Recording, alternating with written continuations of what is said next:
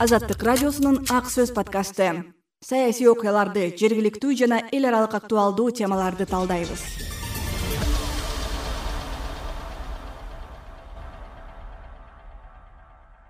Урматтуу угарман сиз ак сөз подкастынан бул ирет жашыл планета түрмөгүн угасыз.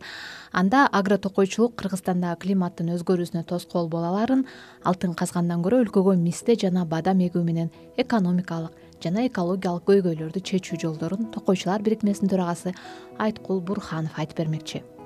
Маекти мен бактыгүл чыныбаева уюштурдум.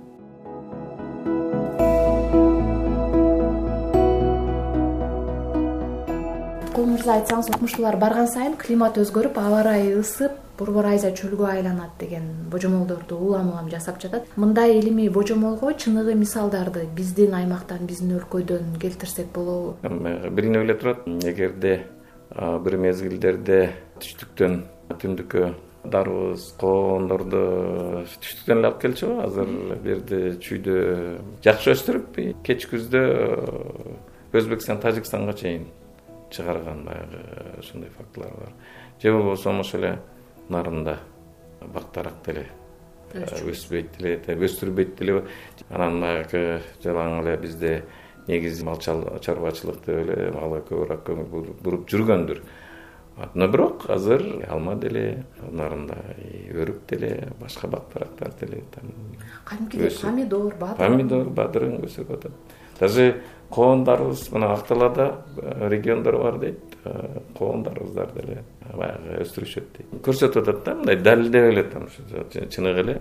Аба ырайынын өзгөрүп аткандыгы. Же болбосо кечээ жакында эле мен как токойчу катары жалпы токой тоо жака жылып атат деген илимий кызматкерлер тарабынан ошондой деле прогноздор атат эмнеге жылат ал? Токой токой ордунда турушу керек да. Жок бул жылып атат дегенибиз ал эки миң сегиз жүз гектарга чейин маселен карагай сен чан карагайы өсөт деген. Азыр уже э, эки миң сегиз жүз эмес уже үч миң үч миңден жогору көчөттөр өсүп атат бул процесстин өзү жөнөкөй карапайым ушул борбор азиядагы кыргызстандагы үй бүлөгө кандай таасир этиши мүмкүн? Балким азыр жакшы болуп аткандыр да бирок жакынкы он жылдыкта жыйырма жылдыкта эмне болушу мүмкүн чыныгы көп жерлерде тоо жактагыларга мындай жакшы шарт түзүлүп аткандай. Өмө жемиш эме жактардагы азык түлүк баягы өстүрүлүп азык түлүк саясаты дагы мындай чечилген жакшы шарт түзүлүп атат. Мындай бир жакшы тажрыйба бар бул сексуал тарапта баягы деградацияга учураган чөл болуп бараткан жерлерде ошол сексуалды эгерде көбөйтө турган болсок ошол жерлерибизди мындай бир жакшы калыбына келтирип айланган үчүн же болбосо жаңактуу түрлөрдү дейбиз. Бул мисте бадам грек жаңгагы деле. Мындай сууга чыдамкайраак но өтө жакшы чыдамкай бул мисте менен бадам. Мындайча айтканда түздөн түз азыр климатка байланыштуу. Биз э, ошол эле коңшулаш биздин э, өзбекстан казакстан тажикстан э, өлкөлөрүбүз эми мындай эме деп ойлойт да. Баягы бизге союз мезгилинде бекирип калган процентти бизге бериш керек эме кылыш керек деген. Климат өзгөргөндүгүнө байланыштуу. Биздин токой тоо токойлорубуз дагы бир аз мындай оор шартта да. Вот аны бир жакшыртуу биз эле эмес кыргызстан. Ошол биздин коңшулаш өлкөлөрүбүз дагы ошонун үстүнөн иштеш керек да. Ушу мөңгүлөрдү биз баардык жерде айтып атпайбызбы мөңгүлөрдү сактап калыш боюнча бул жерде и президентибиз президенттин аппараты түздөн-түз могу азамат темиркулов бул. Муну көптөн бери эле айтып эме кылат ушу тоо токой программасын ишке ашырыш керек. Себеби токойлорду тоодо көбөйтүшүбүз керек. Ошондо ошо ошондон кийин биз мөңгүлөрүбүздү сактап калабыз. Биздин э, илимпоздор биздин фермерлер баардыгыбыз э, түшүнгөнү менен төмөн жакта пайдаланып аткан. Мына чөлгө көбүрөөк учураган ушу өзбекстан казакстан мына тажикстандын деле там фергана өрөөнүндөгү ленинабад областы деле ошо как раз суулар аякка түшөт алар билиш керек да баягы э, экосистемалык кызмат дейт. Ушу экосистемалык кызматты мындай бир жакшы ишке ашыруу э, үчүн алар дагы ушу биздин токойлор сакталып калыш үчүн кандайдыр бир салым кошуш керек да.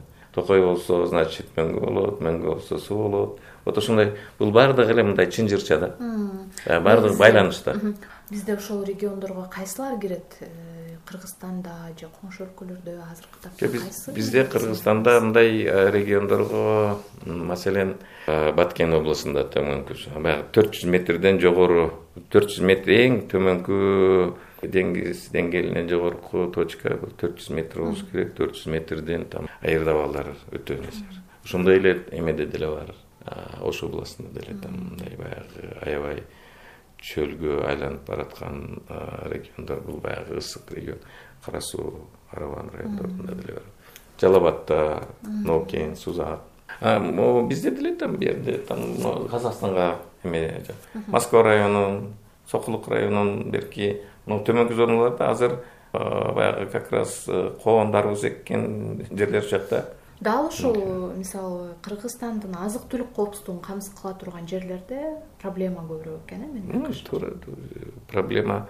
Э, но бирок уже ишке ашып атат акырындап. Но кыйынчылык менен да агро токойчулук деп айтабыз. Азыркы климаттын э, өзгөрүлүп аткан шартында агро токойчулук деген э, бул эң мындайча айтканда жакшы жерди башкаруу системасы деп биз э, эсептейбиз да.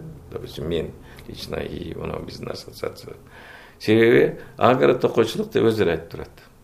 Допустим ушул жерде бак даракты тегип и ошону менен бирге ошол эле өрөөндө ошол эле ошол эле жерде и айыл чарба продукциясын малды дагы бакканга багытталган э, жер системасы бул как раз агро токойчулук деп аталат да. Мына маселен азыр кечээ жакында эле фейсбуктан көрдүңүзбү жокпу? Мына дүйнөлүк банктын колдоосу менен мындай жардам берилген эле ошондой кунарсыз жер деп ушу баягы пайдаланбай жүргөн жерди бүргөндүдө нокен районунда жалал абадда өздөштүрүшүптүр бак дарак тегиптир баягы черешня деп суу чыгарып берген тамчылатып суу коюшкан. Вот ошол эле ушу бир түптүн алдында там дарак тегип атат и ошол жерде эле дарбыз допустим баягындай өсүп себеби э, бул э, суу даракты да даракка дагы пайдасы и ошону менен биргеликте баягы дарбыз тигилген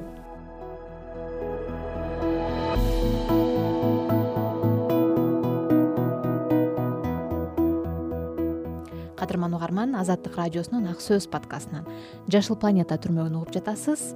Бул ирет биз токойчулар бирикмесинин төрагасы айткул бурханов менен маектешүүдөбүз ал агро токойчулуктун кыргызстандагы климаттын өзгөрүүсүнө тоскоол боло алаарын алтын казгандан көрө өлкөгө мисте жана бадам эгүү менен экономикалык жана экологиялык көйгөйлөрдү чечүү жолдорун айтып берүүдө түрмөктү мен бактыгүл чыныбаева алып баруудамын демек ушул адаптация болуш үчүн климаттын өзгөрүүсүнө кыргызстан үчүн эле анан жалпы регион үчүн кандайдыр бир деңгээлде билим керек турбайбы? Билим кыргызстан үчүн менимче мындай деп ойлойм мындай бир жакшы тажрыйбаларды жаңылыктарды баягы ойлонбой эртеки болобу болбойбу деген мындай көп ойлонуп эметпей эгерде илимий жактан мындай негизделип негизделгенден кийин коркпой жумушту баштай бериш керек анан кыргызстанда биз көкүрөгүбүздү уруулап токойчулар там баягы. Бизде гана ушундай чоң территорияда табигый жаңак мөмөлүү токой бар деп табигый токой бар деп канча болуп калды? Жок территориясы боюнча чоң да эми алты жүз миңден ашык. Вот ошондуктан азыр мындай табигый эмес. Плантация тиккени биз кыргызстаныбыз аябай ыңгайлуу эмнегедир там биз э, ошону мындай плантация жагынан көйтөлүп же мына ошого эмени ай бул эгерде эртең түшүмдүүлүгүнө кирсе жыл сайын бир даже айтып жүрөбүз эсептеп э, түшүмгө киргенден кийин беш миң он миң доллардан гектарынан алып турса болот. Мындай айыл чарба продукциясы э, беш миң он миң доллардан алган продукция вообще аз да бирок айткул мырза айтсаңыз азыр экономиканын приоритеттүү бөлүгү кыргызстанда негизи кен казуу болуп жатпайбы? Мындай шартта эми мистенин пайдалуу экенин кантип э, ынандырса болот ушул мисте аябай пайдалуу деген? Же болбосо ошол сиз айтып аткан жаңгак бадам мисте дарактарын жапырт эгүүнү? Дүйнө жүзүндөгү жер аянтынын жети гана процент жеринде ошол жаңгак мүмөлүү өсөт экен да жаңгак мисте бадам анан дагы башка түрлөрү бар баягы. А биз как раз э, табигый э, жаңгак өскөн ошондуктан жаңактууларды көбөйтүүгө мындай бүт шартыбыз бар да. Иштетүүгө мына маселен эгерде алтынды ала турган болсок алтынга алтындын кирешесине мындай бир киреше булагы боюнча альтернатива түзө турган ушул жаңак жаңактууларды эгерде көбөйтсөк ошолар кирешеси боюнча альтернатива болот деп биз эсептейбиз да. Региондорубузда мүмкүнчүлүгү бар жеринде ошол жаңактууларга көңүл буруп туруп и жакшы ошол бир он жылдан кийин даже он жыл бизде сразу баягы токойчуларды мындай өсүмдүктөрдү эккенде мындай тез эле киреше албайт бир он жылдан кийин киреше ала башлагандан кийин дагы туруктуу где то бир жүз жылдан ашык дайыма киреше ала турган э, бир объект болуп калат. Биздин бир таанышыбыз айткан эле да профессор достум айткан эмнеге ушу баягычы мындай чукуланып элет анан баягы алтынды чукулайсыңар? Силерде жердин бетинде мындай бир азыр жашыл алтын бар жашыл алтын өсүп атат. Ошого бир жакшы көңүл бурбай атасыңар мына жерде там мына бизде мистелер бар да. Отуз үч отуз үч миң гектар мисте өсүмдүктөрү бар. Анан алар экологиялык функция аткарсын деп эле там мындай бизде облагораживание функциясы деп коебуз. То есть мындай баягы бактарды карай турган иштерди. А эме кылбай эле ал ушу өсүп турса болду.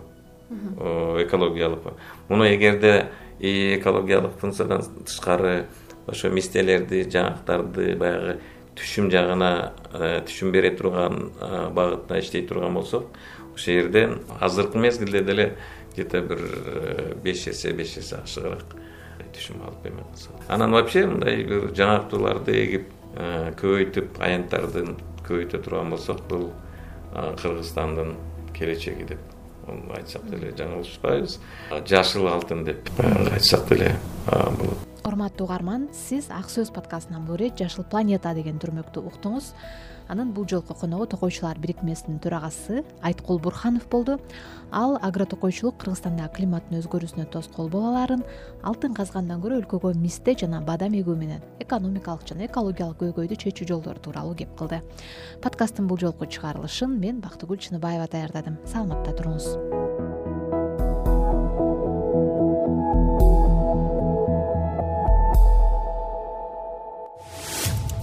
азаттык радиосунун ак сөз подкасты.